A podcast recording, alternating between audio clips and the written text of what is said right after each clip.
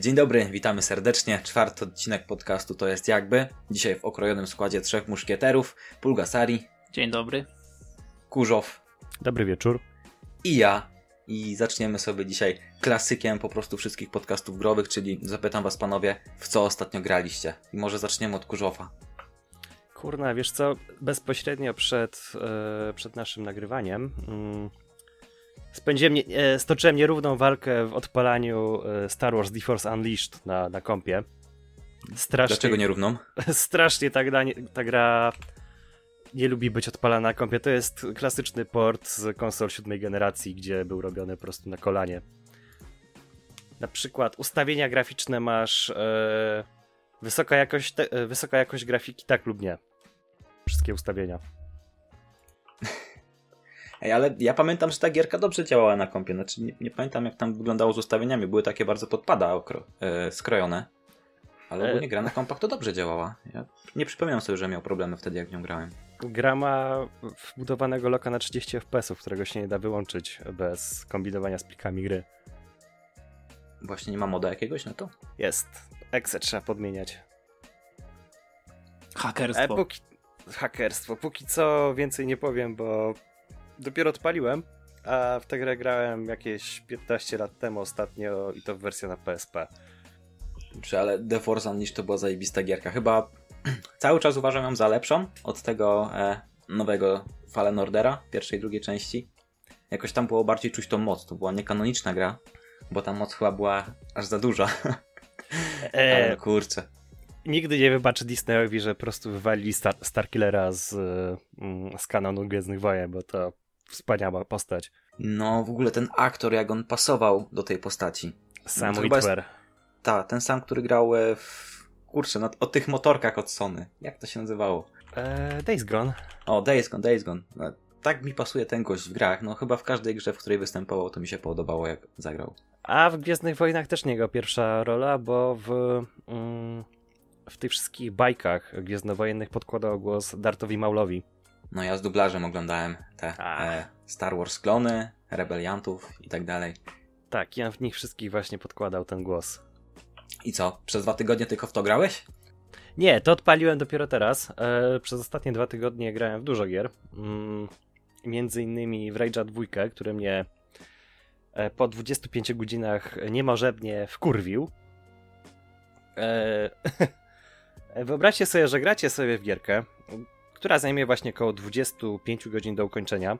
E, klepiecie całą mapę. Tutaj układ jest taki mm, podobny do Far Cry'ów, Far Cry 5 między innymi, że e, trzeba ogarnąć e, w, tej, w przypadku tej gry trzy takie główne mm, linie wątkowe. Mm, No i po, po ukończeniu ich odblokowujecie po prostu ostatnią misję. E, tylko, że e, odpalając tę ostatnią misję, e, jak już dostaniecie tę ostatnią misję, e, wam się pojawi ten znaczek na mapie. Jak e, stwierdzicie, że no dobra, już jest późno, zapisuję gry, wyłączam, no to jak tak zrobicie, to ten ostatni cel e, gry, ostatnia misja znika. Nie da się jej odpalić w ogóle. E, I ten bug był zgłaszany przez ludzi w 2019 roku i 4 lata później jest używanie naprawiony. Czekaj, ale nie zrozumiałem. Czyli jak zapiszesz grę przed końcową misją jakoś, to potem nie da się jej uruchomić? Tak. E, jak skończysz ten ostatni, e, trzeci wątek z tych trzech takich wątków, które odblokowują tę ostatnią misję, to ci się bezpośrednio na mapie pojawia lokalizacja tam cel misji, e, tam najazd na główną bazę ostatni, ostatniego bossa. Jeżeli zapiszesz w tym momencie grę i ją wyłączysz i odpalisz z powrotem, wczytasz tego save'a, to ten cel znika, nie da się go w żaden sposób uruchomić. A postacie te e, zlecające te misje z tych trzech wątków już się do was nie odzywają. I co, masz kompletnie uwalony save teraz? Nie możesz gry skończyć? Czy masz Nie- wcześniejszy zapis? nie mam wcześniejszego zapisu, nie mam nic. 25 godzin w piździec. Ale ty i tak do nieźle się wkręciłeś w tą gierkę, jak tyle jej poświęciłeś. Tak. Ja to chyba wytrzymałem za dwie godzinki. Miałem ze trzy podejścia. Tak. y, Rage 2 ma wspaniałe to pierwszoosobowe strzelanie. Jest takie pełne mięska e, i ma dużo takich fajnych e, mechanik. To jest, ja bym tę grę określił takim e, dumem wymieszanym z Far Cry'em. Mnie się strasznie wkręciła.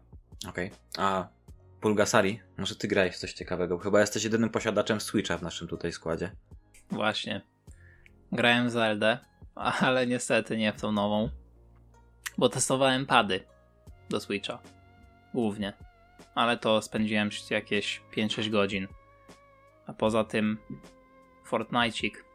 Bo nie wiem czy wiecie, ale dodali tryb rankingowy. Ciekawa sprawa. Ogólnie jest to trochę Ale jeszcze... czekaj, wcześniej nie było trybów rankingowych? Wiesz co... Nie. Bo mi się wydawało, że to dodali tryb rankingowy, ale do trybu, w którym nie ma budowania. A wcześniej były inne rankingowe. To znaczy, nie wiem, może ty mylisz z areną. Bo był tryb areny, chociaż ja też szczerze powiem, że nie wiem jak to wcześniej wyglądało, bo ja zawsze grałem w ten tryb zero budowania. I teraz to wygląda tak, że jest ten tryb rankingowy na zasadzie, na takiej samej zasadzie działa i dla trybu z budowaniem i bez. Ale co ciekawe, usunęli, nie wiem dlaczego, teraz można grać tylko rankingowy mecz w dwójkach i w czwórkach, a nie tak jak poprzednio, że można było grać solo, dwójki, trójki, czwórki. I to się tyczy tak samo meczu rankingowego, jak i nie. Całkowicie usunęli na przykład teraz y, trójki. Jak chcesz grać trójki, to odpalasz sobie i załóżmy nie dobierasz sobie czwartego gracza, ale grasz przeciwko drużynom, gdzie są cztery osoby. Jest dodatkowe utrudnienie. Nie wiem dlaczego tak zrobili. Dziwne. Ale a propos, jeszcze wcześniej wspominaliście o Dart Maulu. To jest teraz evencik, jakby ktoś chciał, można go zdobyć. Ale niestety trzeba 1000 dolców zapłacić. Fałdolców. A 1000 fałdolców to ile jest zwyczajnych złotówek? No, jakbyś chciał to kupić bezpośrednio od Epika, to 24 zł. Ale są triki. Za jeden gdzie... skin? Nie, to jest za 1000 fałdolców. To zależy już jaki skin ile kosztuje. Są nawet takie, co kosztują 2500, ale ogólnie O kurde. Można te dolce trochę w łatwiejszy sposób zdobywać, bo masz przepustkę, która kosztuje 950 i jak wbijesz setny level daje ci 1500 zwrotu. Albo możesz kupować różne pakiety skinów, tak jak ja ostatnio kupiłem sobie pakieta, pakiet z y, Dead Space'a. Masz skina i do tego jest jeszcze dodatkowe questy masz, które dają ci 1500 fałdolców i była taka opcja na Gamivo, że za ósemkę z Gamivo Smart za 8 zł. To jest super deal według mnie. 1500 dolców i jeszcze fajny skin. Powiedz mi, rozumiem, że już grałeś te gry rankingowe, tak? Tak, grałem w gry rankingowe. W ogóle dziwne jest to, że wystarczy, żeby zagrać jeden mecz i już przydziela rangę. Fajne jest natomiast to, że sposób liczenia y, punktów do rangi działa w ten sposób, że y, niezależnie od tego, co robisz, nie musisz tak naprawdę mieć fragów, czyli nie musisz dobijać. Wystarczy udział, czyli jaki damage zadałeś, on jest przeliczany w jakiś sposób na to, czy. No, jaki miałeś po prostu udział całościowy w grze. Jeżeli na przykład kumpel twój zrobił 20 fragów, ale ty na przykład zrobiłeś, nie wiem, główny damage i tam załóżmy na te 20 fragów zrobiłeś 90% obrażeń, to mimo wszystko, no, zalicza cię po prostu to, jak dużo, dużo dostaniesz tej rangi do góry, nie? I to samo się tyczy w późniejszej fazie gry, te, te fragi mają większą po prostu wagę. Dokładnie jeszcze nie, nie jest chyba określone w jaki sposób jest ta ranga liczona, ale tam w tym opisie było coś takiego przedstawionego. I jaką rangę udało cię zdobyć? Jesteś już, nie wiem, bambikiem sil silver czy gold? Nie, ogólnie to grałem tylko chyba 5 meczy. Problem jest taki, że nie ma trybu solo. Można grać w dwójkach, a jako, że ja teraz nie mam nikogo do gry takiego, kto ogarnia, to no ciężko jest, no bo jednak jak nie możecie na, na kogoś liczyć w, w, momencie, jak jest coś, jakaś cięższe starcie, no to zlipa I, to też dziwnie jakoś działa, bo jak z kumplem grałem, mi dało rangę Golda dwójkę. To jest mniej więcej tak prawie po środku wszystkich rang. Ale jak wygraliśmy mecz jeden, który dość dobrze poszedł, miałem chyba 8 fragów, to, bo tam jest liczone procentowo. Jak masz na przykład rangę Golda 1, żeby na Golda 2 wejść, to musisz 100% tam wbić. I za mecz wygrany z 8 fragami dostałem 60% tej rangi. Ale znowu jak rozegraliśmy mecz następny, który trwał może, nie wiem, 5 minut, bo spadliśmy, zrobiłem tylko dwa fragi i zginęliśmy, to dostałem tylko 10%. Więc miałem już 70, ale znowu jak spadliśmy na trzecim meczu i nikogo nie zabiłem i zginęliśmy od razu praktycznie, to mi wzięło znowu 10%, więc nie wiem naprawdę jak to zliczone. No pewnie przez to, że to teraz jest sezon zerowy, chyba to się tak nazywa, oni pewnie dopracują jeszcze te wszystkie szczegóły. Te rangi są co sezon resetowane? Czy nawet jak nie grasz, to nawet się utrzymuje? Wiesz co, nie wiem tego. Na razie to jest chyba wszystko w takiej testowej fazie i no zobaczymy. Czytałem tam coś, że w rangę od pewnego momentu jakby nie możesz spaść niżej, jak już wbijesz jakąś, ale czy to będzie przechodzić na następny, na następny sezon, to ciężko powiedzieć. Ja ostatnio troszkę wróciłem do nałogu związanego z Dotą 2. No to jest niesamowity pożeracz czasu. Kurczę, pamiętałem tę grę, że te mecze nie są aż tak długie. Myślałem tak z pół godziny. Ale no, za każdym razem jak usiądę, to nie wiem, jedna gierka trwa 60 minut. Jak nie wygram, to muszę zagrać kolejną. Czasami 4 godziny mija, więc poza, poza Dotą 2 niewiele miałem czasu, żeby grać inne rzeczy. Ale udało mi się odpalić The Legend of Zelda Tears of the Kingdom. Także ch chyba rozumiem, że na razie tylko ja tak grałem w to, tak? Ty Dzwonię poprawników jeszcze... Nintendo. Według co? Co? Dzwonię poprawników Nintendo. Dlaczego? Powiedziałem, że grałem, nic nie zrobiłem złego. No właśnie, Oj, ty nie, już nie przyznał się, nie przyznał się do niczego. Ty już wiesz i oni też już wiedzą. O. Tylko słuchacze jeszcze nie wiedzą. O. Tak, więc e, może usmysłowmy e, słuchaczy, e, jak, ta, jak to Tears of the Kingdom się ma do Breath of the Wild, więc postaram się tak opisać te pierwsze kilka godzin bez spoilerów, ale powiem wam, że tak, e, początek gry ogólnie to jest znacznie lepsza rzecz niż to, co mieliśmy w Breath of the Wild, bo jest troszeczkę bardziej fabularyzowany, ale niestety wstęp jest niesamowicie krótki, a potem przechodzimy do, do takiego etapu, który jest e, w swojej budowie wręcz, no, skopiowany dosłownie z Breath of the Wild, bo znowu dostajemy taki obszar startowy, z którego tak naprawdę nie możemy wyjść. Tak jak mieliśmy w Breath of the Wild, to ten taki płaskowyż na środku mapy, z którego teoretycznie dałoby się zejść, ale było, było to zablokowane, więc jak, jak z niego schodziliśmy, no to tam gra nas cofała do wcześniejszego save'u, bo umieraliśmy. Tak samo tutaj e, startujemy na takiej podniebnej wyspie, która też jest takim obszarem startowym. Jak z niej chcemy zeskoczyć, bo teoretycznie w grze jest tak, że jak zeskoczymy, nie wiadomo, nie, nieważne z jakiej wysokości, ale wpadniemy do wody, no to nic nam się nie dzieje.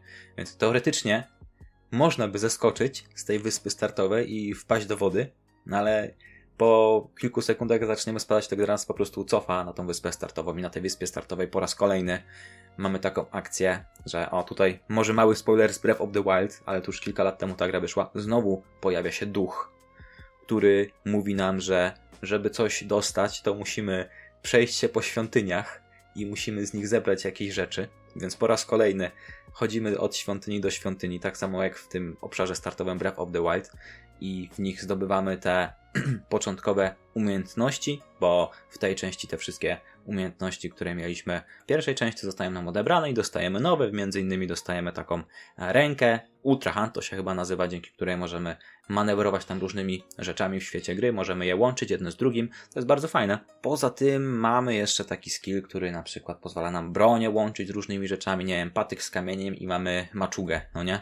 Także zbieramy te skille właśnie z tych e, świątyń, które są na tej początkowej wyspie. Jak obejdziemy te świątynie, to tak, tak samo też jak przechodzimy po tych świątyniach, to normalnie napotykamy na wyzwania, które były, które są wręcz skopiowane z tych wyzwań, które były na tej wyspie startowej wbrew of the Wild, czyli na przykład mamy jakiś kawałek wody, który trzeba przepłynąć, to na pewno Pulgasari kojarzysz na tej wyspie startowej, była tam w tym zimowym biomie taka rzeczka, którą trzeba było pokonać, no to tu też mamy rzeczkę, którą trzeba pokonać, tylko oczywiście e, jest to zrobione tak, że na jednym brzegu tej rzeczki są rzeczy, dzięki którym możemy zbudować łódkę, więc budujemy łódkę korzystając z tego ultrahenda i sobie przepływamy na tą drugą e, stronę tej rzeczki. Także początek, moim zdaniem, jest bardzo słaby w tym Tears of the Kingdom. Nie wiem jeszcze, jak reszta gry wygląda, czy też jest tak samo zbliżona w swojej budowie do Breath of the Wild, ale jakbym na przykład miał porównywać początek drugiej części do, do części pierwszej, czyli Breath of the Wild, no to to, absolutnie nie jest gra 10 na 10, to nawet nie jest gra 9 na 10. Jeżeli ludzie tak bardzo zawsze jadą na przykład asasyny, które kopiują dosłownie rozwiązania z poprzednich części, narzekają na to, że to jest skopiowane jeden do jednego, no to tutaj też jest skopiowane jeden do jednego. Dodatkowo jeszcze, jak odpalamy grę, no to ja rozumiem, że Switch ma swoje ograniczenia, tak, ale też nie można tego pomijać w recenzjach, że gra wygląda identycznie do części poprzedniej. Nie dość, że wygląda identycznie, to jeszcze zostały obcięte na przykład niektóre animacje. Na przykład w części pierwszej, znaczy Breath of the Wild, mieliśmy inną animację, gdy Link na przykład sobie przechodził po, e, po kłodach, na przykład drewna, tak? Jak zetniemy drzewo, pojawia się taka kłoda, jak po niej przechodziliśmy w Breath of the Wild, no to Link tak rozkładał sobie ręce śmiesznie, jakby chciał balansować, tak żeby nie spać z tej kłody, no to na przykład w Tears of the Kingdom ta animacja już jest wycięta. Dlaczego? Nie wiadomo. Chociaż e, poza tym, że wycięli niektóre rzeczy, no to pojawiło się kilka rzeczy takich quality of life, które są faktycznie lepsze. Na przykład jak sobie wybieramy rzeczy do gotowania w Tears of the Kingdom, no to możemy na przykład cofnąć jedną poprzednią rzecz, którą wybraliśmy do tego przepisu, który chcemy ugotować. Tak, w Breath of the Wild, jak anulowaliśmy, no to anulowaliśmy wszystkie rzeczy, które mieliśmy zebrane do tego gotowania. Tutaj możemy na przykład, jak się pomyśli, pomyliliśmy z wyborem, nie wiem, jakiegoś dodatkowego jabłka do przepisu, no to możemy to jedno jabłko cofnąć. No to, to jest jakieś udogodnienie, ale poza tym, e, no to myślę, że no ta gra jest no wręcz no, trudno mi się wydaje to nazwać taką faktycznie częścią, częścią, częścią drugą. To naprawdę na razie po tych pierwszych czterech godzinach chyba pograłem, to wygląda naprawdę jak takie DLC do, do, do Breath of the Wild. Nie wiem, czy to będzie faktycznie tak bardzo, tak bardzo się różniło wreszcie gry od pierwszej części, no ale te pierwsze wrażenia to bym tak powiedział, że to jest gra 8 na 10, tak maksymalnie, nie? Jeżeli miałbym brać pod uwagę to, ile oni zrobili, żeby, żeby zbudować tą, tą część drugą. No tak mi się przynajmniej wydaje. Ale myślę, że zachwyty może są na, na wyrost, jakie ludzie, jak ludzie pijają, że ta gra jest taka niesamowita, 10 na 10, Mesjasz kolejny, ale gierka jest na pewno, na pewno bardzo dobra, chociaż to jest gra typu, no różni się na przykład mniej od Breath of the Wild niż Assassin's Creed Odyssey od Assassin's Creed Origins, ale mimo tego no gra się dobrze. No, ja też nie mam takiego, nie mam takiego wymagania odnośnie gier, że druga część musi się zdecydowanie różnić od poprzedniej. Jeżeli coś było dobre w pierwszej, no to w drugiej też może być bardzo dobre. Mm, wiadomo, to po jakimś czasie się znudzi. O, właśnie, odnośnie rzeczy podobnych do części pierwszej, czyli Breath of the Wild, mieliśmy tam na przykład koroki. Na pewno Pulgasari kojarzysz, te E, kubki takie, które zbieraliśmy z koroków złote. Także tutaj to też się pojawia. Tylko zostało to fajnie zrobione, bo tak jak w części pierwszej mieliśmy takie proste zagadki na mapie. Na przykład, nie wiem, e, pojawiał się okrąg kamyków. Jednego kamyku brakowało, musieliśmy tam kamyk dostawić, żeby zrobić ten, tak, taką figurę geometryczną na, na, na ziemi z tych kamieni taki okrąg.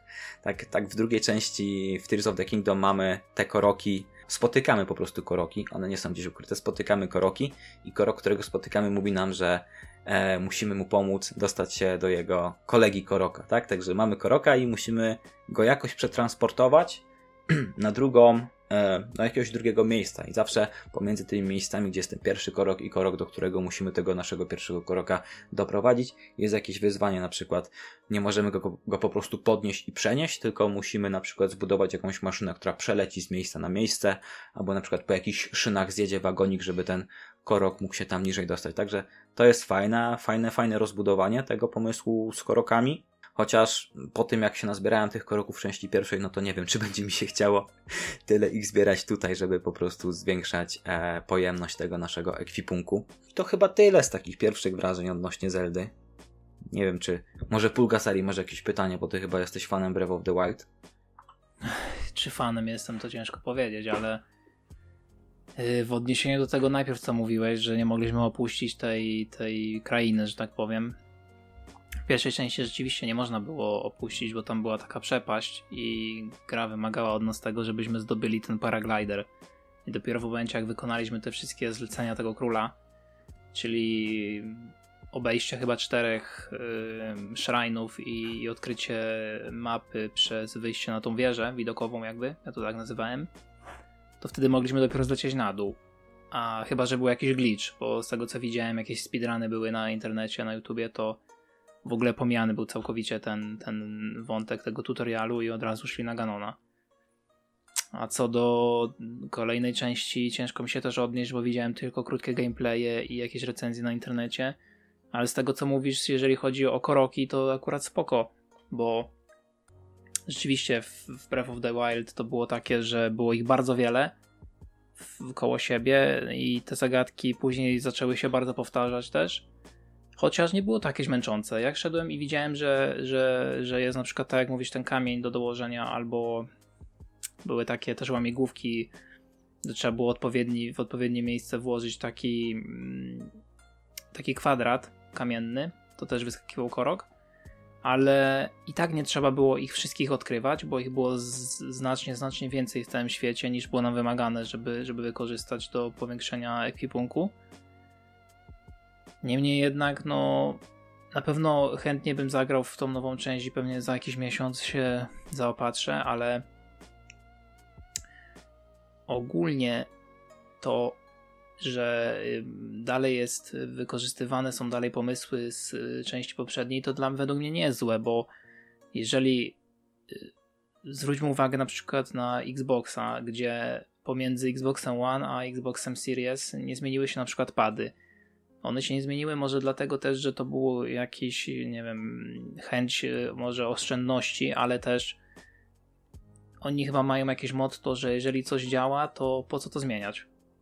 I tutaj może było w przypadku nowej Zeldy podobnie, że rzeczy, które były ok, oni zostawili, ewentualnie trochę rzeczy pododawali, tak jak e, w przypadku tych receptur na, na czy to są przepisy właściwie na dania, Chociaż akurat według mnie to nie zmienia wiele, bo szczerze, jak już się dowiedziałem, które potrawy najlepiej robić, to po prostu to już przychodziło tak, że ja sobie podchodziłem, robiłem sobie co chciałem i ja sobie odchodziłem. Nie potrzebowałem tam kombinować nie wiadomo czego. Tym bardziej, że dużo było takich yy, potraw, które można było zrobić. Dodawały one dodatkowe serduszka te tymczasowe, gdzie wrzuciłeś tylko na przykład jednego duriana i i dostawałeś po prostu 5 serduszek na przykład dodatkowych, prawda? Więc tam nie trzeba było za bardzo kombinować, a nawet czasami jak się za bardzo przekombinowało, to wychodziło takie dziwne jedzenie z, z prze, zapikselowane i ono dawało mniej niż tak jakbyś to połączył jakoś inaczej. Więc czekam. Może się uda na jakiegoś deala wyciągnąć od kogoś, kto kupił może jakiś nietrafiony prezent. A co do tego, co wcześniej wspomniałeś, że jest nudny początek, Wydaje mi się, że oni w jakiś sposób zostali zmuszeni też do tego, bo muszą wziąć pod uwagę też to, że ktoś, kto nie grał w część poprzednią, kupi sobie tą i, i też w jakiś sposób muszą go wprowadzić do tego świata. Dlatego mi się wydaje, że z tego powodu też między innymi zostało to tak zrealizowane. No, ogólnie wydaje mi się, że ta, ta część będzie znacznie bardziej nastawiona na fabułę, bo przez te pierwsze godziny spotkałem znacznie więcej takich cutscenek wyrenderowanych, e, z głosami też podstawionymi, niż było to w Breath of the Wild, gdzie tam, no nie wiem, cutscenka była jakaś co co 4 godziny, może albo rzadziej, jak dotarliśmy do jakiegoś miejsca ważnego dla fabuły. Ale w ogóle nie, to, dla mnie jest niesamowite, jak, jak ten sprzęt Switch, który już jest taki stary.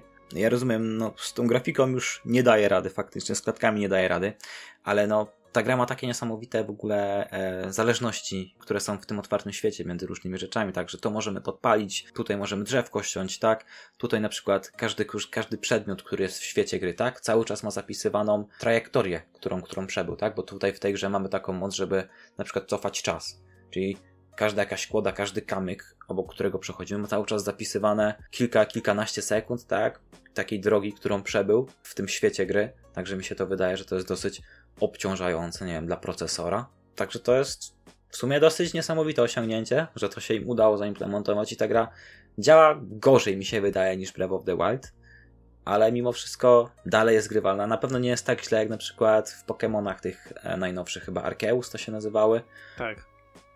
No ale cóż, no, pewnie to będzie Game of the Year tego roku, chociaż nawet jeszcze nie, ma, nie minęło połowa tego roku. Mamy dopiero piąty miesiąc. No ale zobaczymy, no może jeszcze się pojawi coś niesamowitego w tym roku, no.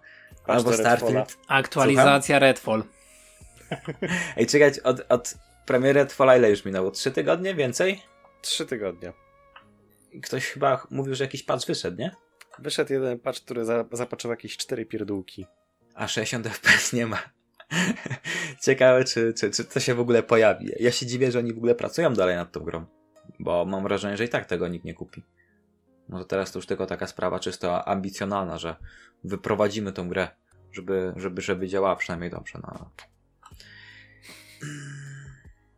Także chyba do premiery Starfielda nie mamy się co spodziewać jakichś potężnych bomb w Game Passie. No, może z tej współpracy Ubisoftu jeszcze z Game Passem pojawi się, nie wiem, Valhalla. To, to może będą fani open worldów i odznaczania kropek zadowoleni, ale poza tym, no to nie wiem, co innego mogłoby dużego wskoczyć w tym roku do Game Passa. Ale mówisz o współpracy Ubisoftu, ale już jest chyba ten Ubisoft dostępny, do, tylko trzeba osobno go kupić, bo on nie jest częścią Znaczy Passa. tak, jest Ubisoft Plus ogólnie, tak, dostępny na konsoli, ale też pojawiały się gry po prostu od Ubisoftu w Game Passie, tak? Przecież mamy tego Phoenixa, Immortals Phoenix, No tak, tak, tak, mamy tak. Wildlands. Ale to Mamy- ja myślę, że nawet gdyby miało to wejść, taka Valhalla, to jest za duży tytuł, żeby ona weszła do Game Passa. Ona najprędzej pewnie wejdzie najpierw do tego Ubisoft Plus. Że w Ubisoft Plus to już jest. Aha. Ale myślę, że jest szansa, żeby weszło. No Valhalla kosztuje już podstawowa wersja 40 zł, 50 PlayStation zł. Plusie już było w tych wyższych O, tierach. proszę. Chyba jest nadal. Tak, myślę, że to jest dosyć realistyczne, chociaż od dawna już nic nowego nie wchodziło od Ubisoftu, nie? Był jakiś taki czas, że co miesiąc jakaś gra wskakiwała.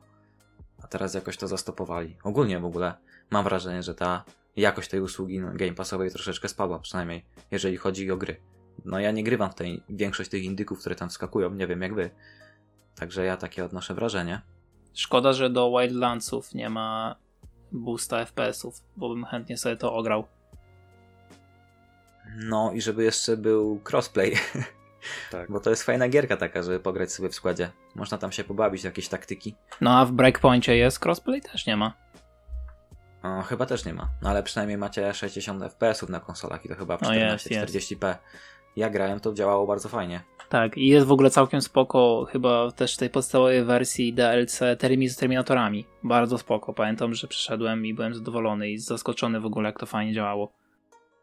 Chyba tak, tylko no niestety te kropki w Breakpoincie są o wiele gorsze niż te, które mieliśmy w Wildlands, bo w Breakpoincie wszystkie te kropki się sprowadzają do otwarcia skrzynki. I jest ich po prostu tysiące, jeśli nie setki. Chyba nawet mnie przytłoczyły te kropki, bo jakoś od, odpuściłem w końcu robienie tej, czyszczenie mapki Breakpoint. No, tam jest, tam jest za dużo tego wszystkiego, ale powiem jedno, że jak się wyłączy HADA, to, to naprawdę czasami te, te, ta grafika w tej grze serio no, robi mega wrażenie. Nie wiem, czy, czy miałeś jakąś okazję, żeby, żeby gdzieś tam zobaczyć jakieś góry, czy, czy jakąś dżunglę. Graficznie jest bardzo fajnie, szczególnie jak sobie jakiś em, helikopterkiem tam polatasz nad tą wyspą. Nie no, super się to prezentuje. Pod tym względem tak. Tylko no, szkoda, że oni tę grę na początku zrobili, tak mam wrażenie, pod jakiegoś looter shootera. Potem dopiero wprowadzili ten tryb, gdzie Tak, tak, broń nie ma kolory, znaczenia. kolorków broni nie ma. Tak, tak, tak. No właśnie ja w, głównie w tym trybie grałem. I co ciekawe, w ogóle ta gra ma opcję, że możesz zaprosić kolegę do gry, nawet jeżeli on nie ma tej gry fizycznie. O proszę, to jest, to jest feature, którego na przykład u Sony byśmy nigdy nie zobaczyli.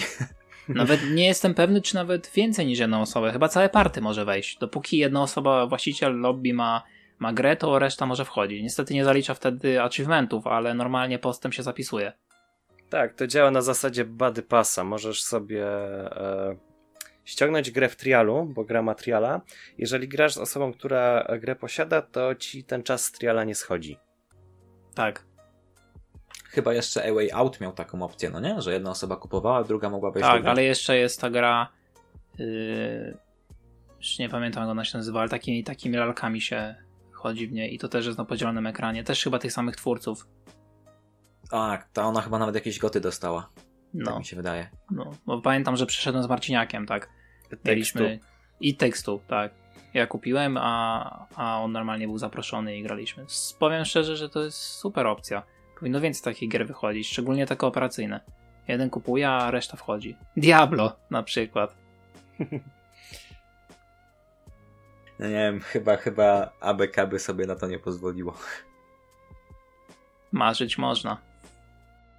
No dobra, ale mówiłeś Plugasari, że testowałeś jakieś padziki z Zelda Breath of the Wild, także może przejdźmy do głównego tematu naszego dzisiejszego odcinka, bo o grach to chyba było tyle z naszej strony, także planowaliśmy dzisiaj sobie porozmawiać o padach, o padach jakie kupujemy, na jakich gramy, jakie uważamy za lepsze, jakie uważamy za gorsze. To co panowie, kto by, kto by chciał zacząć? Ja będę zaczynał, bo serio jestem podekscytowany tym, co. Do, tym, co O, dobrze się zobaczyłem. zaczyna. Więc tak, y, testowałem dwa pady. Jeden z firmy 8-bit do, pewnie dla większości znanych, bo to jest taki dość producent znany tych, tych kontrolerów do, do różnych konsol. Oni właściwie chyba robią do każdej możliwej konsoli pady. Ja akurat testowałem te, do, które są kompatybilne z PC-tem i z, z Nintendo Switch. Niestety chyba dalej nie został schakowany ten moduł z Xboxa, więc jeżeli byśmy chcieli się zdecydować na pada do Xboxa z firmy jakiejś trzeciej, to tylko po kabelku. Więc to jest na pewno minus dla wielu, dla mnie ogromny. Jeżeli miałbym, by, byłbym zmuszony do grania na kabelku, to serio odpada to. Za bardzo teraz chyba są ludzie. Wszystko się wygodne takie stało, że jesteśmy przyzwyczajeni do, do tej bezprzewodowej łączności i no ciężko by było przejść na ten kabelek, pomimo tego, że i tak się siedzi niedaleko koło tej konsoli czasami, ale jednak.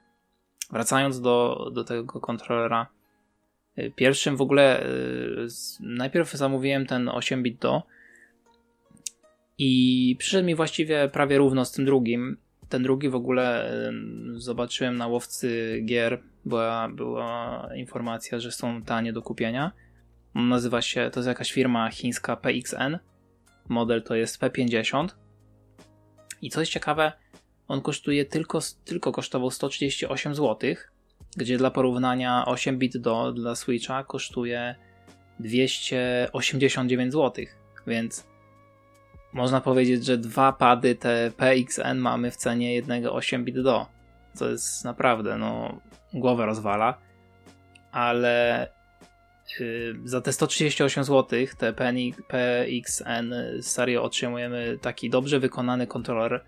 On nieźle leży w dłoniach. Jest lekki, bo waży tylko 200 chyba 15 albo 216 gram, już teraz w tej chwili nie pamiętam. I jest taki wykonany z takiego gładkiego plastiku. Trochę śmierdzi. Taką, taką chińszczyzną. Taką chińszczyzną trochę śmierdział na początku. Już teraz, już teraz to przeszło. Ale takim, tak zwane. Taki wie, no właśnie, taki wiecie, taki, taki chiński plastik, ale co dziwne jest, on jest taki yy, nie czuć, nie czuć tandety, jakby. Pomimo tego, że spodziewałem się czegoś gorszego, nie czuć takiej tandety. No i co jest najważniejsze, a właściwie to jest największym minusem obu tych padów, ale to za chwilkę przejdę do 8-bit do, jest brak gniazda na słuchawki. Serio. Chcąc grać w takiego Fortnite'a czy w cokolwiek innego, ja wiem, że na Nintendo Switch, jeżeli ktoś się decyduje w ogóle na grę w, w, w takie gry competitive, to raczej pewnie preferuje 60 fps, ale serio, przy, przy padzie takim dedykowanym, tak jak na przykład ten do Nintendo, ten oryginalny Pro Controller, czy, czy właśnie ten PXN, czy 8-bit do, gra się zdecydowanie inaczej niż na tych Joy-Conach, bo te analogi są bardziej dokładne i powiem szczerze, że pomimo tych 30 FPS-ów, nawet tam są czasami spadki, grało się mi porównywalnie do, do Xboxa, gdzie jest 60 FPS. Byłem w stanie, może nie byłem w stanie wykręcić takich samych wyników i na takim samym poziomie nie byłem w stanie grać, ale może gdybym był zmuszony do grania na tym Switchu, to pewnie bym się do tego przyzwyczaił. Ale wracając do tego gniazda słuchawek, no jest to ogromny problem, bo serio, nawet yy, żeby, żeby z kimś porozmawiać, ja wiem, że Switch tam nie obsługuje yy, funkcji Discorda, czy, czy też jakiegoś wewnętrznego czatu, ale Fortnite ma ten czat swój taki wbudowany i nawet tak by można było rozmawiać, a jeżeli ja miałbym siedzieć, to bym musiał siedzieć po prostu zaraz koło konsoli, bliziutko monitora, bo no jednak te kable od słuchawek są krótkie, prawda? A nie wiem, czy Switch też obsługuje jakieś bezprzewodowe słuchawki. Pewnie jakieś obsługuje, ale to są pewnie jakieś wybrane modele. Po Bluetoochu. Dowolne. A, chyba, że dowolne. No to, no to takie rozwiązanie jeszcze jest. Chociaż mm, jednak to gniazdo w tym, w tym padzie, no według mnie jest takie, nie, nie powiedziałbym, że jest opcjonalne. Raczej wolałbym je mieć, niż nie mieć. Więc nie wiem, dlaczego tutaj one zostało, zrezygnowali z tego i jedna i druga firma, gdzie przy 8 bit do 289 zł prawie czystówki to wymagałbym raczej odpada tego, żeby miał wszystko. A czekaj, to co te pady mają? Mają wbudowany odbiornik Bluetooth, tak? Nie mają jakiegoś zewnętrznego adaptera, który trzeba podłączać? Ogólnie PXN nie ma żadnego zewnętrznego. Jeżeli chodzi o 8 bit do, on ma dongiel, bo z połączeniem do PC-ta musimy sobie podłączyć niestety takiego małego fajansa i on działa chyba na, na jakimś Bluetoothie a czy one mają żyroskopy wbudowane? Ten, właśnie do, chciałem do tego przejść. Jeżeli chodzi o tego chińskiego PXN, on ma nawet czytnik NFC, co jest naprawdę zaskoczeniem dla mnie. Ma żyroskop, yy, ma wibracje. Akurat wibracje włączyłem tylko na chwilkę. Ale jedynym też, y, jeszcze drugim minusem właściwie oprócz tego gniazda jest też to, że yy, w przypadku tego PXN y, jak się trochę, wiesz, pomacha y, tym padem, to te przyciski trochę tak jakby latają.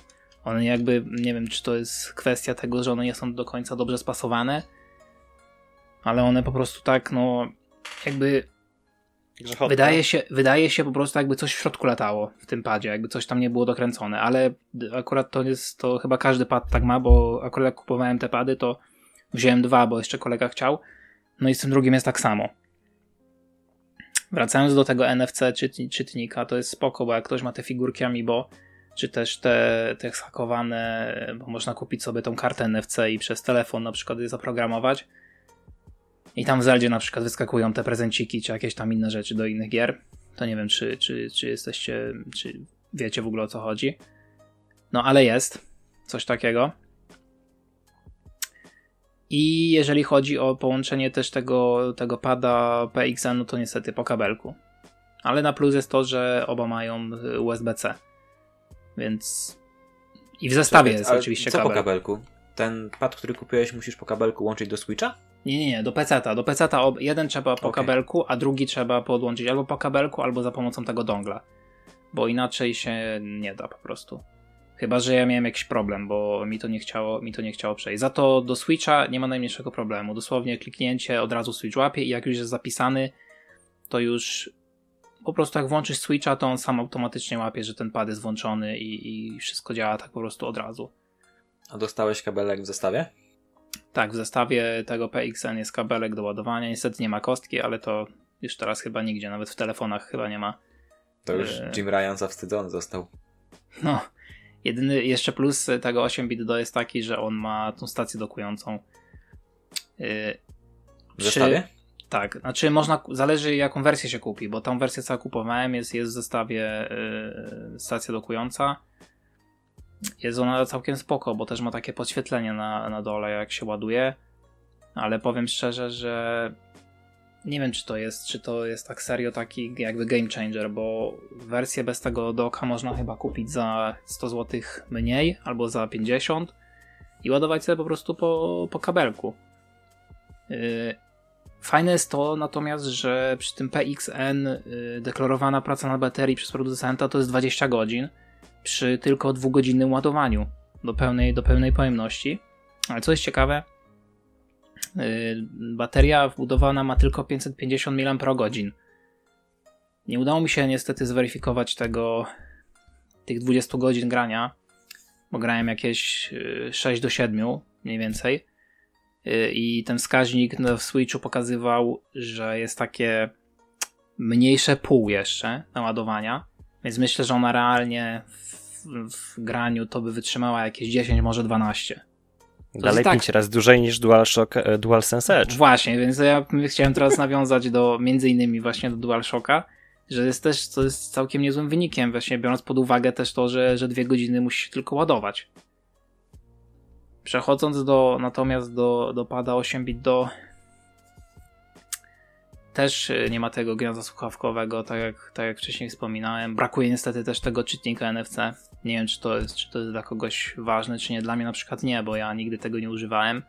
A nawet gdybym chciał, no to zawsze mam te Joy-Cony i mogę do, w ten sposób też sobie to załadować. Nie wiem w ogóle jak, na jakiej zasadzie to działa, czy to, jest, czy to się często używa w grze, czy nie. Tam są chyba pewnie jakieś ograniczenia, bo to pewnie nie można sobie za każdym razem tam spawnować tych itemów. Ale Tak, Breath of the Wild to było albo raz na godzinę, albo raz dziennie. Możliwe, możliwe. Z tego co widziałem w internecie, to, to, to tam koleś pokazywał, to tam jakieś skrzyneczki wypadały, jakieś jedzonka, takie rzeczy. Więc całkiem to jest spoko. Mieć to wbudowane w padzie, no pewnie na plus. Ale jeżeli chodzi o tego pada 8-bit do, to pojemność baterii jest prawie dwa razy większa, bo 1000 mAh i podana jest yy, deklarowany czas pracy to aż 22 godziny. Gdzie ładuje się on około 2 do 3 godzin. Tutaj no, akurat mniej na nim, mniej go używałem. Chociaż yy, można powiedzieć, że granie na jednym i na drugim jest bardzo zbliżone, chociaż ten pad 8-bit do jest bardziej, bardziej mi jest bliski do tego pada od Xboxa. Można powiedzieć nawet, że gdyby nie to, że ma układ y, przycisków jak y, na Switchu, to można to, jakbym je wziął do ręki, jeden od drugiego prawie w ogóle się nie różni, poza tym, że mają y, dodatkowe dwa przyciski z tyłu. Właśnie zapomniałem o tym wcześniej. Tak? E, mój znajomy ma tego 8-bit do mm, Ultimate chyba. E, otworzył go sobie i poprzekładał te przyciski, żeby był układ Xboxowy na przyciskach. E, bardzo zadowolony z tego pada. Też, ale czy ten pad można podłączyć, który jest do Switcha? Chyba nie można podłączyć do Xboxa. Czy za pomocą kabla się da wtedy? Eee, Bo w sumie nie sprawdzałem. Ultimate nie. Ultimate nie. A. Właśnie, więc yy, wracając do tego, oba te pady mają dwa przyciski z tyłu dodatkowe. Przy PXN można to skonfigurować za pomocą aplikacji. W 8-bit do nie, nie sprawdzałem, ale też chyba jest jakaś dedykowana aplikacja, gdzie można sobie przypisać te, te przyciski. One e, automatycznie są jakoś dziwnie ustawione, bo na przykład w Fortnite jak wciskałem ten prawy, to yy, przeładowywał mi broń, a ten lewy zmieniało mi na poprzednią, więc no nie wiem. Natomiast yy, jeżeli chodzi o wagę, to ten z 8 bit jest nieco cięższy od tego PXN, bo waży 228 gram. No ta różnica jest niewielka, bo to jest, można powiedzieć, niezauważalne 12 gram. Yy, jednak no, porównując te dwa pady, PXN jak i ten 8 bit to mają mocne strony jak i wady. No, na pewno przy PXN-ie wyróżnia go ta atrakcyjna cena no i ta deklarowana długa żywotność baterii. Ja myślę, że 10 godzin to jest naprawdę dobry wynik, szczególnie, że no, rzadko się chyba zdarza, żeby ktoś ślęczał 10 godzin w ciągu jednego dnia nad grą, prawda? Yy, no, niemniej jednak ten... piwo. Tak, niemniej jednak ten 8 bit do no, dwa razy większa bateria i, i to bezproblemowe, dodatkowo bezprzewodowe połączenie, no jednak też robi robotę. No ale wybór niestety no, należy pewnie do indywidualnych preferencji, bo tak jak widać, no, ten, ten PXN jest takim raczej niskobudżetowym wyrobem, a ten 8-bit do od razu widać, że to jest, że to jest jakby premium, prawda? Ale w mojej ocenie, jak miałbym wybierać, to jednak bardziej opłacalny byłby ten PXN, bo, bo stosunek jakości do ceny i, i, i ten to posiadanie tego czytnika NFC jednak jest, jest, jest plusem niż lepiej mieć niż nie mieć. Wychodzę z takiego założenia. I też to, że y, cena, dwa pady mogę mieć w cenie jednego 8 bit, to game changer. Zastanawiam się, bo oba te pady, o których mówiłeś, one są third party, tak? Ale one są dedykowane do Switcha, tak jakby? Tak, one są dedykowane do Switcha i do PC. Ale głównie myślę, że do Switcha. A jak to działa z wibracjami? No bo w J-Conach chyba mamy te haptyczne wibracje, no nie? Tutaj są zwykłe. A te w tych padach to są takie zwykłe? Zwykłe, tak. Jest takie wibracje jak w Xboxie. One mają jakieś dodatkowe feature'y w ogóle? Nie wiem, jakieś przyciski dodatkowe? Czy, czy tak, mają, mają. Układ jest taki jak na Xboxie. Y, mają dodatkowe dwa, dwa przyciski z tyłu. W tym padzie 8 Ten tańszy też? Tak, tylko w tym padzie wow. 8 bit do one są takie jakby bardziej jak y, w tym Pro kontrolerze do Xboxa, takie łopatki a w tym PXN to są takie okrągłe też przyciski, ale myślę, że też się do tego, do tego przyzwyczaić, żeby ich używać. Zastanawiam się, jak się na nich grało, tak porównując do pada od Xboxa Series X. To znaczy, jeżeli chodzi o ten 8-bit do, mógłbym powiedzieć, że gdyby mi ktoś dał do ręki i powiedział, że to jest pad od Xboxa, to może bym uwierzył. Chyba, żebym już tymi, bo to on ma troszeczkę inne te, te przyciski funkcyjne na środku ale dopóki bym nie wcisnął tych przycisków funkcyjnych albo krzyżaka, to bym nie wiedział, że to jest e, pad, od, to, że to nie jest pad od Xboxa. A jeżeli chodzi o tego PXN, no to od razu widać, że to jest i czuć, że to jest jakby no inny pad po prostu. Ale też e, te, te gałki analogowe, ten krzyżak, wszystko jest raczej takie, że można po prostu grać, o, tak powiem. Raczej nie, był, nie byłbyś zawiedziony, jakbyś sobie go kupił po prostu ja się trochę, trochę mnie kusił ten pad od 8 bit do chyba to tak? To się tak. nazywało? Ale odrzuciło mnie to, że tych przycisków z tyłu jest tylko dwa. Myślałem, że będą cztery.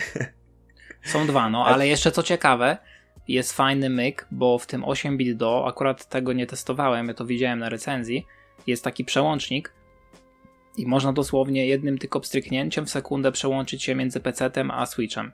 O, to super feature. A jeszcze jedna rzecz, bo chyba ten pad od 8 bit ma te bajeranckie analogi chyba z, Z efektem efektem Hala, Hala. czy jak one się nazywały? Tak, ma. A ten tańszy też ma? Czy to są Nie, one są zwykłe, zwykłe analogowe. A czuć w ogóle jakąś różnicę w tym, jak te gałki działają? Bo ja nie miałem w rękach pada, który ma te e, analogi z tym efektem Hala. Mm, Powiem szczerze, dla mnie to jest. To nie robi, nie robi jakiejś, jakiejś różnicy. Nie zauważyłem różnicy. To, ma, to robi różnicę po paru latach. Może. Jak w tym e, ci zaczną już e, lecieć bokiem, jak w Tokio. Znaczy, może być też tak właśnie, że on wrażenie tworzy takie, że jest spoko, a może się okazać, że za pół roku, czy nawet wcześniej zaczną mi driftować te analogi i się okaże, że pad jest do wyrzucenia, prawda? A ten 8 bit doby mi działał. Tego nie jestem w stanie na razie powiedzieć. Chociaż na Amazonie ten, ten PXN ma dobre oceny, a tym się głównie sugerowałem. Kożuch? Kożuch, tak. E, ja co do padów miałem jedną wielką odyseję poszukiwania tych e, padów. Mm, zaczęło się od szukania najpierw pada do Xboxa, mm, gdzie po prostu chciałem e, mieć łopatki w padzie. Łopatki albo tylne przyciski i żeby ten pad był bezprzewodowy. Na Xboxie jeden wybór w takiej, w takiej kwestii to jest ten e, Elite Controller. E, jaki Elite Controller jest, to być może wiecie. Bateria fajna na 40 godzin wbudowana. Mówię o V2 oczywiście. E, tylko, że pad e, Elitka do Xboxa jest zrobiona z, z gównolitu. Ja taką Elitkę miałem. Miałem ją przez e, miesiąc, gdzie w trakcie zakupu, chwilę po zakupie już mi driftował lewy analog. A potem e, jakieś dwa tygodnie później zdecydowałem e, zrobić calaka w Titanfallu 2. E, Titanfall 2 jest taką grą, że jednym z najwygodniejszych układów jest e, ustawienie skoku na e, któryś z bumperów. No i e, zrobienie calaka w Titanfall 2 zajęło mi mm, jeden weekend, dwa dni. I jak zacząłem grać w piątek, to w niedzielę e, ten lewy bumper, gdzie miałem skok ustawiony, lewy bumper mi zaczął double klikować. Po prostu jeden weekend z grą i padł drugi raz na gwarancję leciał. E, Jakość. jak- E, tak. E, no i po tym, e, po tym drugim wysłaniu na gwarancję po prostu poleciał na Elixir, a ja się nie będę w takie rzeczy bawił. E, zrezygnowałem w ogóle z poszukiwań e, łopatek w padzie od Xboxa. Ale w ogóle, E, co jest, to wtrącę, yy, bo jeszcze ten Elite 1, on wchodził jakby w, w całości, miałeś wszystkie te akcesoria, a dwójka to jest chyba osobno pad, a osobno trzeba sobie dokupić te łopatki i to wszystko, prawda? Zależy od wersji. E, jest Elite 2 e, w tej podsta- w tej, tak jak wyszedł, to też miał e, cały zestaw akcesoriów. A jakoś w zeszłym roku czy dwa lata temu wprowadzili wersję Core, e, tą białą, która rzeczywiście przyjeżdża goła, a akcesoria możesz sobie dokupić osobno i wtedy e, cena wychodzi tyle samo, jakbyś kupił sobie po prostu tego z akcesoriami już. E, tak. E, ostatnio przerzuciłem się z Xboxa na PC-ta, mm, bo mi się udało tego mojego PC-ta doprowadzić do stanu używalności. E, no i wrócił mi temat e, poszukiwań pada, mm, bo znowu mi zaczęło ciążyć w tym Xboxowym e, padzie ten brak łopatek i też może określmy to tak, e, Steam Deck zrujnował dla mnie pady. E, ponieważ Steam Deck ma tylne przyciski, całe cztery, ma żyroskop, ma te fajne mm, gładziki, no i chciałem pada, który Czekaj, a ma haptykę? E, i haptykę też ma. Mm, No właśnie, Serio? O ja! a co z tym E. padem od, od Steama? E, nie jest produkowany już. On był sprzedawany nawet za złotówkę swego czasu, Tak. ale się nie skusiłem. Teraz Serio? żałuję. Ale on ma dziwny układ. Mm, On ma tylko jedną gałkę, nie ma w ogóle D-pada, ma dwa gładziki. W tym jeden działa właśnie jako D-pad. Eee, no i właśnie Steam Deck zrujnował dla mnie pady, więc chciałem e, do kompa pada, który chociaż część by tych e, rzeczy ze Steam Decka mi e, udostępnił, umożliwił. E, czyli moje wymagania wyglądały, tak podsumowując, tak. Żeby triggery były analogowe, mm, tak jak pad od Xboxa, nie tak jak pad, e, pady do Switcha. Żeby był ten żyroskop, żeby miał tylne przyciski chociaż dwa, żeby był bezprzewodowy i żeby był jednak w układzie albo Xboxa, albo PlayStation. Nie cierpię tego e, klasycznego Nintendowego układu z A, e, ABYX, no wiecie, e, pozamienianym względem Xboxowego. To jest najgorsze, co, z czym się spotkałem, ten układ w ogóle Nintendowy. Właśnie zapomniałem o tym wspomnieć, jak mówiłem o Zeldzie, ale to jest tak dziwny układ, że na przykład B akceptujesz, że A cofasz. Jak na Tak. przykład udało mi się przyzwyczaić na tyle do padów od Xboxa i od Sony, że jestem w stanie się w miarę bezproblemowo przełączać, tak? Między jednym i drugim. No. Ale od tego Nintendo to ja non stop muszę patrzeć na prompty na ekranie. Nie jestem w stanie zapamiętać. E, To jest, powiem ci, taki klasyczny układ japoński, e, gdzie na PlayStation w Japonii. E, momencik, bo mi coś tu się popsuło. O. E, w, na PlayStation w Japonii kółkiem akceptujesz, a X-em cofasz. E, przynajmniej do PS4 tak było. Była afera e, przy premierze PS5, że Japończyków zmieni, zmusili do przestawienia się na resztę świata. E, tak. No i właśnie e, wymieniłem te moje wymagania do pada. No i co? E, ten 8-bit do Ultimate, e, którego ma Pulgasari, byłby po prostu rewelacyjny. Ma gałki z efektem Hola, czyli jest nie, niezniszczalny względem tych drifta. Ale ma też żyroskop, tylko że żyroskop, żyroskop działa w trybie Switcha. E, ma analogowe triggery, ale one działają w trybie e, Xboxowym, tym PC-owym. No i układ przycisków jest Nintendo, ale tak jak już mówiłem wcześniej, kolega mój e, zdołał to e, naprawić. No ale niestety te mm, kompromisy z przełączaniem dla mnie odpada. E, Xbox Elite kontroler. Mm, już, już się na, nad nim pastwiłem. E, nie ma żyroskopu. No i się psuje od samego patrzenia, też odpada. E, wobec czego e, mój wybór padł na pięknego pada, mm, który jest wyśmiewany za czas pracy na baterii. DualShock 4. E, I spełnia wszystko, nie? Ma analogowe triggery, jest żyroskop, ma nawet tylne przyciski z tą śmieszną nakładką. E, są, jest oficjalna Sony, którą ja sobie nabyłem. Są też e, chińskie podróby, które swoją drogą też sobie nabyłem, ale jeszcze mi nie doszła. A czy to są dwa, czy cztery tylne przyciski? E, są dwa. I trzy profile przełączalne. No i przypasował mi nawet w dłoniach. Poklikałem sobie go, bo ma, PS4 mam, więc ten DualShock 4 gdzieś tam zawsze leżał. Trzymałem go w takim woreczku strunowym z Ikei, bo jak mi się już zachciało odpalić PS4, to zawsze był cały w kurzu.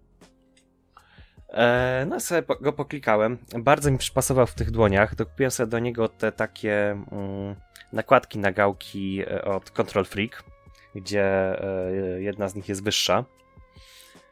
E, przyciski, e, wiecie, X, kółko, e, kwadrat, trójkąt są dużo przyjemniejsze niż w Xboxowym padzie i nie są tak cholernie głośne. E, nawet e, na PC-cie by Bulka seriemu przypasowało, bo e, gniazdo słuchawkowe można zmusić do działania. E, Wymaga to niestety oficjalnego adaptera e, do DualShocka 4 do PC-ta. Istnieje takie coś, się dowiedziałem. Niestety było produkowane przez chwilę i kosztuje teraz, patrzę na eBayu, co najmniej 90 dolarów za durny adapter bluetoothowy, bo to pod Bluetoothie działa. To nie jest jak Xboxowe, że ma Bluetootha i ten protokół Xboxa Bluetooth. I tylko przez ten adapter wspiera słuchawki. Głupie. Mm. No i powiem wam, tak mi przypasował ten pad, że rozważam sprzedaż pada do Xboxa, do sobie adapterka, żeby tego e, DualShocka używać też na Xboxie. Bo się da. Adapter się nazywa mm, Br- Brook Wingman XB chyba. Kosztuje około 250 zł i do Xboxa pozwala podłączyć dowolny, prawie dowolny inny pad.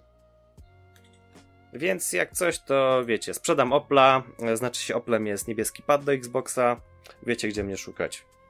Nie wiem, ta cena za adapter to jest dosyć wygórowana, muszę przyznać. Tyle co pad. Nawet więcej.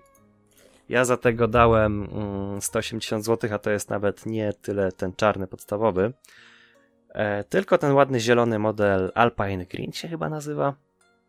E, nawet jest oryginalny.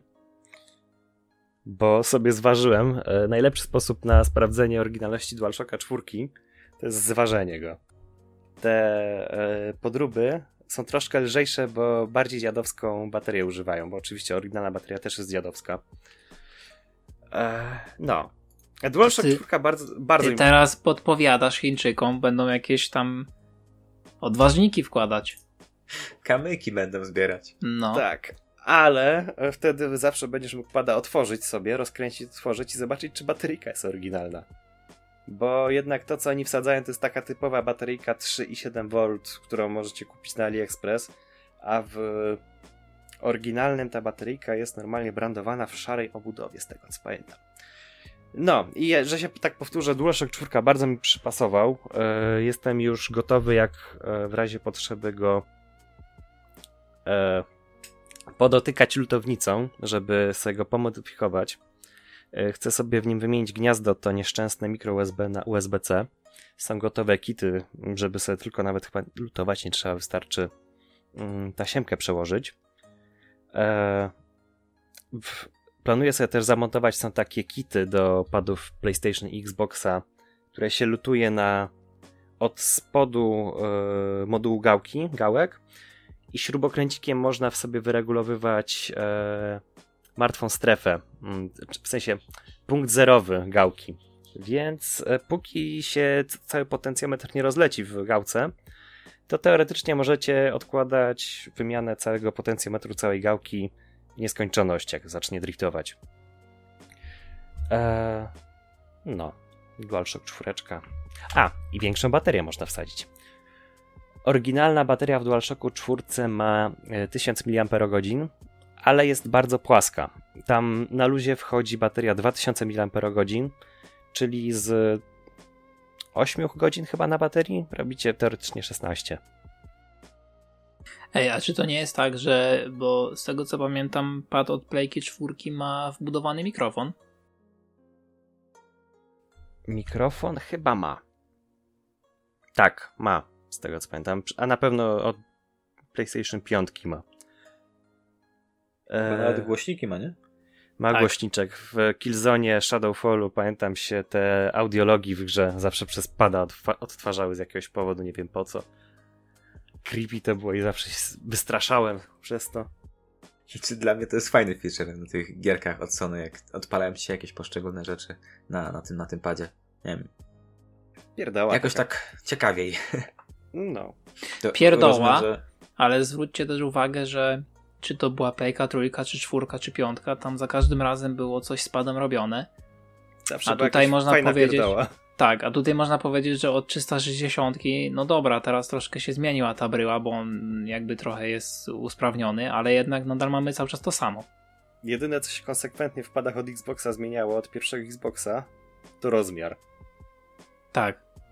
Coraz mniejszy. Coraz mniejszy. Ja myślę, że zmieniały to się konsekwentnie wibracje. Coraz gorsze. A to akurat dla mnie. Ja nie używam. Tylko mi skraca czas na bateryjkach, które i tak już mało trzymają. Brzmisz jak soniarz. Taka prawda. To ja ze swojej strony opowiem wam historię, może e, mniej rozbudowaną pod względem padów, których, których poszukiwałem, ale e, może równie się irytowałem przy, przy ich poszukiwaniu jakby. Także ja w tej generacji ogólnie planowałem zostać konsolarzem, jak sobie kupiłem tego Xboxa Series X, ale jak uruchomiłem pierwszą grę, która w moim przypadku była Forza, piąteczka, to myślałem, że ten pad od Xboxa Series X jest po prostu rozwalony. jak włączały się wibracje w tej grze, ja miałem wrażenie, że silnik jakiś w, tej, w tym padzie jest po prostu rozwalony. Na początku zamówiłem Xboxa z tego oficjalnego sklepu Microsoftu, no nie? Myślałem, że kurczę, na opakowaniu było napisane, że został wysłany z magazynu z jakiejś Irlandii. Może po drodze, nie wiem, upadło im to pudełko i się pad rozwalił po prostu. I wtedy zwróciłem konsolę po raz pierwszy. Potem zakupiłem Xboxa Series X, Series X po raz kolejny. Znowu odpalam tą Forzę i znowu tym razem zamówiłem z Amazonu i znowu się okazało, że jest bardzo dziwny dźwięk wydobywający się z kontrolera. Miałem znowu wrażenie, że te wibracje są, e, no nie wiem, że silniczek jest jakiś rozwalony, bo tak to brzmiało jakby, nie wiem, jakieś metalowe elementy o siebie uderzały, takie, takie wręcz bzyczenie przy e, jakichś momentach, gdzie te wibracje powinny działać mocniej. Uznałem, że może znowu to pudełko upadło kurierowi, może ja mam takiego niefarta, tak samo jak z tymi PlayStation piątkami, których już z 11 zamawiałem. Więc uznałem, że no, kupię sobie z Polski jakiegoś dodatkowego pada ze sklepu. Więc kupiłem tego pada do Xboxa Series X, tego białego chyba, Robot White to się nazywa. Podłączam i co się okazuje? Znowu brzęczy. I wtedy już byłem pewny po prostu, że w tej generacji Microsoft, nie wiem, czy zaoszczędził na tych padach. Nie mam pojęcia, e, kto w ogóle uznał, że te wibracje e, brzmią dobrze, że działają dobrze jak sobie podłączyłem mojego starego pada od Xboxa 360, no to te wibracje tam są bardzo przyjemne. Może to nie jest haptyka, ale brzmią bardzo dobrze. Nie, nie w taki sposób, jakby ktoś e, prętem jebał po kratach, że tak się wyraża. Więc moje poszukiwania pada do, jak już skończyłem e, z Xboxem, który w kwestii Fable mnie bardzo zawiódł, postanowiłem wrócić do bycia musztardziarzem i uznałem, że no, tak mi się dobrze gra na padzie, że ja muszę sobie jakiegoś pada kupić. I tak, na początku było rozeznanie. Co jest najbardziej kompatybilne z PC-tem? No to oczywiście wszyscy mówili, że pad od Xboxa Series X musi być e, koniecznie, bo każda gra działa, działa ci ten wbudowany pomocnik, który macie w Windowsie pod Windows G, tak? Ten taki panel Xboxiarza, nie wiem jak ten panel się nazywa, panel gier, to się chyba nazywa na Windowsie, coś takiego tam, na przykład można screeny, czy tam filmiki z gier robić, tak, tego typu rzeczy, na przykład Xbox tam też przychodzą... Game Bar. O, Xbox Game Bar, tam, tam też przychodzą zaproszenia, na przykład jak ktoś z konsoli cię zaprosi, a ty grasz na PC, to tam dostajesz powiadomienie, że ktoś cię do gry zaprasza. Uznałem, że no teoretycznie fajny byłby ten pad od Xboxa Series X, ale tak, mm, przycisków mało, tych łopatek z tyłu nie ma. Myślałem, może by zainwestować faktycznie w tego pada Elite Controller ale gdzie nie czytałem, to tak. Przy pierwszej wersji co chwilę ktoś mówił, że ten pad non-stop jest w serwisie. Przy drugiej wersji okazało się, że jeszcze, że jeszcze częściej ten pad jest w serwisie. Tak. więc no, troszeczkę to było dla mnie nieprzekonujące, więc ostatecznie uznałem, że może by spróbować z padami od a, PlayStation, tak? Więc kupiłem sobie w końcu tego pada DualSense'a. W moim przypadku to jest wersja czerwona i to już z, tych, z, tej, z tej nowszej rewizji, która nie wiem, czy różni się jakoś znacząco pod względem tego, co jest w środku. Teoretycznie jacyś testerzy z YouTube'a uznali, że jest mniejsza szansa, że będą driftować gałki. Zobaczymy. Jedyne, co widziałem na porównaniach tego, co jest w środku, to jakaś jedna gumka zamiast bycia szarą jest zielona. nie wiem, czy to coś zmienia e, w kwestii działania samego kontrolera. Ale tak, od, odnośnie tego, jak się gra na DualSense na PC. Mm, to tak, teoretycznie do większości gier, jeżeli gramy na Steamie, no to jest fajnie, no bo to mapowanie dzieje się tak jakby, jakby z automatu, ale w moim przypadku ja sobie korzystam z aplikacji, która nazywa się DualSense nie, DS4, nie wiem jak się rozwija ten. DS for Windows. DS for Windows, DS for Windows, tak. I miałem też e, krótki, krótki, krótki epizod z aplikacją, która nazywa się DualSense X, którą można sobie, no ona niestety jest płatna, można sobie ją na Steamie kupić. Na początku kosztowała 4 zł, trochę potem żałowałem, że jej nie kupiłem, bo teraz kosztuje jakieś 27, no ale to teraz też nie są jakieś kosmiczne pieniądze. I tak, yy, dlaczego w ogóle wygodnie się gra na DualSense na PC? No, pomijając, że mamy te, nie, to są adaptacyjne triggery, no, które w większości gier nie działają. Działają teoretycznie tylko w tych grach a, od Sony i to jak połączymy sobie pada e, po kabelku. Mamy teoretycznie te haptyczne wibracje. I z tymi haptycznymi wibracjami jest taka zabawa, że one z automatu nie działają. Działają tylko te normalne wibracje w kontrolerze. Ale jak sobie porównałem wibracje, które są w DualSense do tych, które są w Xboxie Series X, nawet bez tej haptyki, no to to jest niebo a ziemia. Są tak przyjemne te wibracje w kontrolerze od Sony, ale jest opcja włączenia takiego emulacji, że tak się wyrażę, emulacji haptyki na PC, ponieważ można sobie puścić dźwięk z komputera przez kontroler. I wtedy ten dźwięk przestrzenny jest jakoś magicznie mapowany na haptyczne wibracje. Nie jestem do końca, nie do końca rozumiem jak to działa, ale jeżeli puścicie sobie dźwięk z komputera przez DualSense'a, to wtedy, zgodnie z tym, jak coś, nie wiem, gra po lewo, no to na przykład czuć te wibracje tylko po lewo. No, w każdym razie jest to bardzo fajny efekt. Może nie jest tak idealny, jak na przykład gramy sobie bezpośrednio na konsoli, na PS5, ale jest naprawdę niesamowicie dobry. Chyba z lepszą po prostu implementacją wibracji w kontrolerze ja się na PC nie spotkałem niż na tym padzie od, od na tym padzie na DualSense od Sony.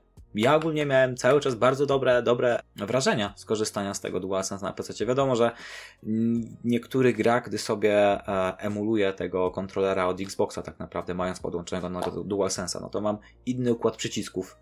Ale tak jak wspominałem, ten układ przycisków na Xboxie i na, na, na kontrolerze od Sony, ja po prostu chyba mam już je wyryte w pamięci i to nie jest dla mnie w ogóle żaden problem, gdy wyświetla mi się układ przycisków z Xboxa, gram na kontrolerze od, od Sony nawet nie muszę patrzeć, nie zdarza mi się patrzeć na kontrolę, no bo wiem z automatu, gdzie dany przycisk się znajduje. I też tak, jak się zastanawiałem, ludzie często mówią, że e, rozkład gałek na kontrolerze od Xboxa jest lepszy.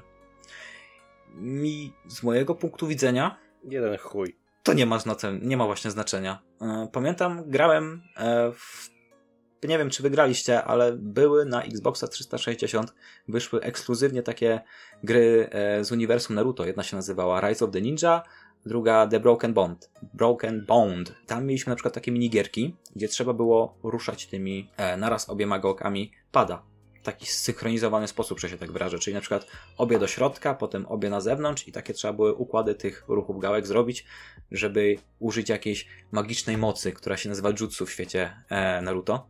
I na przykład grając na kontrolerze od Xboxa, to było nieco dziwne, e, takie, gdy się z tego korzystało, no bo jedną gałkę miałem wyżej, drugą niżej. Czasami, czasami zapominałem tych układów, także pod tym względem chyba jest dla mnie wygodniej, gdy obie te gałki są na jednej wysokości, ale tak też często spotykałem się w internecie z opiniami, że na przykład mniej boli e, przy długim graniu ten kciuk, gdy mamy tą gałkę po lewej stronie wyżej, ale ja tak naprawdę nie wiem, nigdy nie miałem jakiś, jakiegoś dyskomfortu związanego z tym układem gałek. Nie wiem po ile godzin ludzie grają. Mi się zdawało czasem, że ja długo grywam. Może, może ludzie grają po 12 godzin w jednej sesji, no to wtedy może jest to jakoś odczuwalne trudno mi się wypowiedzieć, chyba mi się nie zdarzyło już tyle. Z drugiej strony, gdybym chciał na DualSense grać 12 godzin, to bym nie dał rady. I to jest właśnie mój e, największy minus odnośnie tego pada, ta niesamowicie słaba bateria. Żywotność tej baterii nie jest nawet związana z tym, że, że grywam na PC. Też jak grałem sobie na Playce 5 po prostu na tym DualSense, no to ta bateria trzyma po prostu żenująco krótko. Nie zdarzyła mi się chyba żadna sesja grania, podczas której nie pojawiła mi się ta a, ikonka odnośnie, odnośnie ilości naładowania baterii. No, moim zdaniem o wiele lepiej by było, gdyby w tym DualSense dało się po prostu wymieniać a klasycznie akumulatorki, tak jak w tym padzie od Xboxa. Przeładować no. jak John Wick. Tak jest. Dla mnie te wbudowane akumulatorki w padach to jest najgorsze rozwiązanie po prostu, z jakim się spotkałem. No. rozumiem, że ktoś może powiedzieć, no masz blisko komputer, masz blisko konsolę, podłącz sobie kabel, możesz dalej grać. No mogę tak zrobić, no ale już wtedy no, czuję jakiś dyskomfort taki podświadomie, że no nawet jak mam e, nie brakuje mi zasięgu tego kabelka, no to i tak jakiś taki czuję dyskomfort. No. Zapłaciłem, żeby pad był bezprzewodowy, więc powinien być bezprzewodowy. Zawsze możesz powerbanka podpiąć. Tak, nasz, nasz, nasz kolega Jaguar opowiadał, że tak grywał w Genshin Impact z powerbankiem. Podsumowując ten mój wywód na temat DualSense'a, to też bardzo mi się podoba po prostu w nim to, że e, mamy ten, ten panel dotykowy. Chyba on działa tak samo jak ten panel dotykowy w DualShocku 4. Także to jest bardzo wygodne rozwiązanie na PC, bo mnóstwo różnych kombinacji przycisków można sobie popodpinać pod ten panel dotykowy, nie wiem, jakieś robienie screenów, panel NVIDIA na przykład, robienie powtórek z gier. No według mnie to jest mega wygodne, mega przyjemne. No i bardzo fajne jest to, że mamy zarówno ten głośnik w padzie, że mamy mikrofon w padzie. Grywałem sobie na przykład tutaj e, z naszymi kolegami z Discorda e, w Fall Guys na tym mikrofonie wbudowanym wpada w DualSense i działało to bardzo dobrze, nikt nie narzekał, że tam, nie wiem, trzeszczy czy coś w tym stylu. Także myślę, że dużo mógłby się e, Microsoft nauczyć od Sony, jeżeli chodzi o te feature'y, które w padzie są, a Sony mogłoby się nauczyć od Microsoftu, żeby w końcu wywalić ten akumulator. Także no dla mnie chyba to jest właśnie największa wada, że jest ten akumulator. Cała reszta mi się naprawdę bardzo podoba. i też jeżeli sobie gracie na PC, to myślę, że warto się zainteresować tym DualSense X, o którym wspominałem, mimo że to jest płatny program, ponieważ, ponieważ pojawia się wręcz przełomowy feature w jego najnowszej wersji, albowiem e, udało się twórcy e, zaimplementować e, coś, czego nadal się Sony nie udało zaimplementować. Tak wspominałem wcześniej, że e, na przykład adaptacyjne triggery, tak, e, działają w grach od Sony na PC, jeżeli mamy kabelek podpięty. No to, proszę Państwa, udało się panu od DualSense X w tej najnowszej wersji, która na razie jest, jeszcze jest w becie, zaimplementować to, że adaptacyjne triggery działają bezprzewodowo i to nawet w grach, które od Sony nie są. Także można sobie samemu w tym programie skonfigurować adaptacyjne triggery chyba dla prawie każdej gry, tworząc takiego własnego moda i działa to bezprzewodowo, także myślę, że przełom.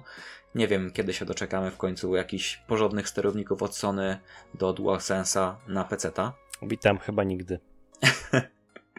Myślę, że tak. Myślę, że dużą w ogóle sprawą było to, że oni wypuścili ten program do aktualizacji sterowników kontrolera DualSense, który można sobie też na PC puścić, bo na początku to nawet nie dało się zaktualizować tego oprogramowania systemowego, jeżeli się nie miało playki. To i tak jakiś krok naprzód jest. No ale tak, no, z mojej strony, jeżeli miałbym oceniać, to właśnie, takie podsumowanie może tych naszych wywodów o padach. Ja bym wam zadał, panowie, pytanie, który pad w ogóle waszym zdaniem jest najlepszy obecnie na rynku w tej generacji? Nintendo Musimy grać tylko 64. jednym. No do, a tak na serio. No to w moim przypadku chyba ten e, DualShock 4, mimo wszystko. Będę go używał na każdej konsoli, która mi na to pozwoli. Jak sobie PlayStation 2 kupię, to też go będę używał. Ten adapter zadziała też z PlayStation 2, czy będziesz musiał wydać kolejne 250 zł. Niestety kolejna, ale jest adapter. A Pulgasari? Yy, Było pytanie o pady, więc ja jedynie mogę powiedzieć o tym padzie od Xboxa. No nie mogę się do niczego przyczepić, jestem zadowolony, ponad dwa lata śmiga. Jedyne co to czasami w pozycji zerowej on y, jakby przez to, że lewy analog jest ciągle wygięty do przodu, potrafi jakby no odczytywać informację, że jest wygięty delikatnie milimetr i postać załóżmy idzie do przodu, ale poza tym to, to raczej nie przeszkadza mi na co dzień w takim użytkowaniu. Miałem kiedyś Playka 4 i te pady były według mnie super, ale myślę, że za dużo jest kombinacji tych adapterów kurzowa, żeby, żeby, żeby przełączać to i gdzieś na Xboxie korzystać z tego.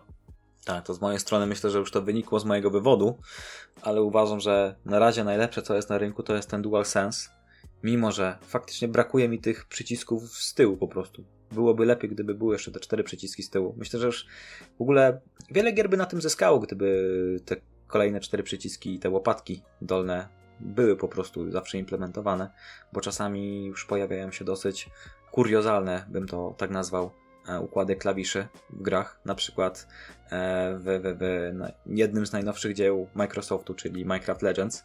Tam sterowanie jest naprawdę dosyć zawiłe i często zmieniające się. E, Często te same przyciski po prostu zaczynają odpowiadać za coś innego w grze. Ale myślę, że no też Sony w końcu powinno zadbać o oprogramowanie tego swojego pada na pecety, ale przede wszystkim to powinni albo zwiększyć ten akumulator, a najlepiej tego po prostu usunąć, żeby ten akumulator był po prostu czymś, co można sobie wyjąć i włożyć bateryjki. Ja nie rozumiem trochę, dlaczego oni tak cisną, żeby ten akumulator był obowiązkowy, czy po to, żeby e, sprzedawać kolejne peryferia w postaci tych stacji do ładowania padów, żeby wciskać ludziom wymóg kupowania za każdym razem dwóch padów, jeżeli ktoś chce cały czas grać sobie bezprzewodowo. Zakładam, że to jest powód. tak jak w przypadku większości e, gier, które trzeba ulepszyć do działania w lepszej jakości nowej generacji. Jest jedna rzecz, o której chciałem jeszcze wspomnieć. Te łopatki dodatkowe, nawet gdyby były dwie w podstawowym padzie, yy, jest jedna gra Overwatch 2, gdzie postać Lucio, czy też Lucio, pewnie znacie, żeby jeździć po ścianie, trzeba trzymać przycisk skoku. Ja przepraszam bardzo, ale palce musiałyby być połamane chyba, żebym ja trzymał A i jeszcze się rozglądał. Albo skok na bumperze jak w Titanfallu. Albo tak, ale to skille są tam pod, po, przypięte, więc to też nie za bardzo. A jakbym miał ten dodatkowy przycisk pod spodem, to bym był mistrzem w Lucio. Wszystkich bym wyrzucał chyba poza mapę. No i po to są łopatki. Tak. Ciekawe, chociaż Xbox przebą, przebąkiwał, mi się wydaje, albo były takie mm, plotki, dosyć często się pojawiały, że jakiś nowy pad ma się ukazać. Ale czy rzeczywiście coś zobaczymy? Ja nie jestem do końca przekonany. Jak sądzicie? Będzie coś nowego od Microsoftu w kwestii padów, czy nie? Jak w kwestii gier nawet nic nie ma. Oj, tu widzę hejtera giganta z Redmond. Dobra, to myślę, że na tym zakończymy dzisiejszy odcinek, bo godzinę 20 minut chyba nabiliśmy. Nie spodziewałem się, że z tego tematu się uda tyle wykrzesać. Jestem ciekawy, na ile to będzie ciekawe dla naszych słuchaczy. Hmm, chyba, że jeszcze chcielibyście coś dzisiaj poruszyć. Myślę, że wystarczy tego naszego starczego gadania. Boomer Talk End. Ok, w takim razie dziękuję Wam bardzo za udział w dzisiejszym odcinku. Naszym słuchaczom dziękuję za słuchanie. I ze swojej strony mogę dodać, że w końcu udało się udostępnić podcast na Apple Podcast, więc jeżeli jesteście e, fanami, nie wiem skąd jest Apple, miałem powiedzieć gigant skądś tam, ale nie wiem skąd oni są. Kalifornia. Jeżeli, jeżeli jesteście fanem giganta z Kalifornii, czy giganta z sadu, no to już możecie słuchać go na swojej platformie ja- jabłczanej. I co? Dzięki raz jeszcze. Czy mamy jakieś pytanie odcinka? O, możecie napisać w komentarzach, jaki pad uważacie, że jest najlepszy w tej generacji. I najlepiej z uzasadnieniem. Tylko nie mówcie, że Elite od Xboxa, bo, bo będę krzyczał. Będziemy się bić. Tak. Tak. Wtedy będziemy walczyć w komentarzach. To co, to dzięki raz jeszcze. Razem z wami byli Pulgasari, Narka. Kurzow Dobranoc. i byłem też ja. Sayonara. Cześć.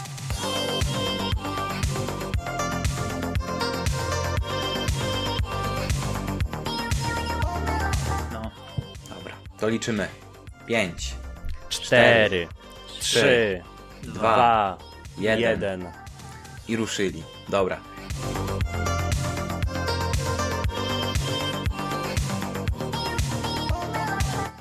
Ty, ale nie rusza się w ogóle. Znaczy rusza się, ale bardzo słabo. To tak było?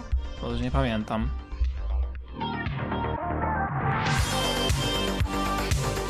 No i, i pole magnetyczne wytwarzają, więc.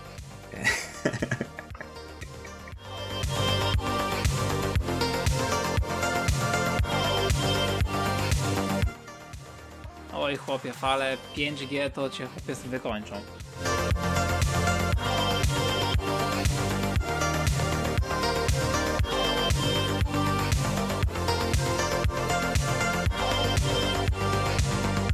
Nie no, jak się pojawiają te... Jak się pojawiają te, wiesz, takie odchylenia, to się nagrywa na pewno.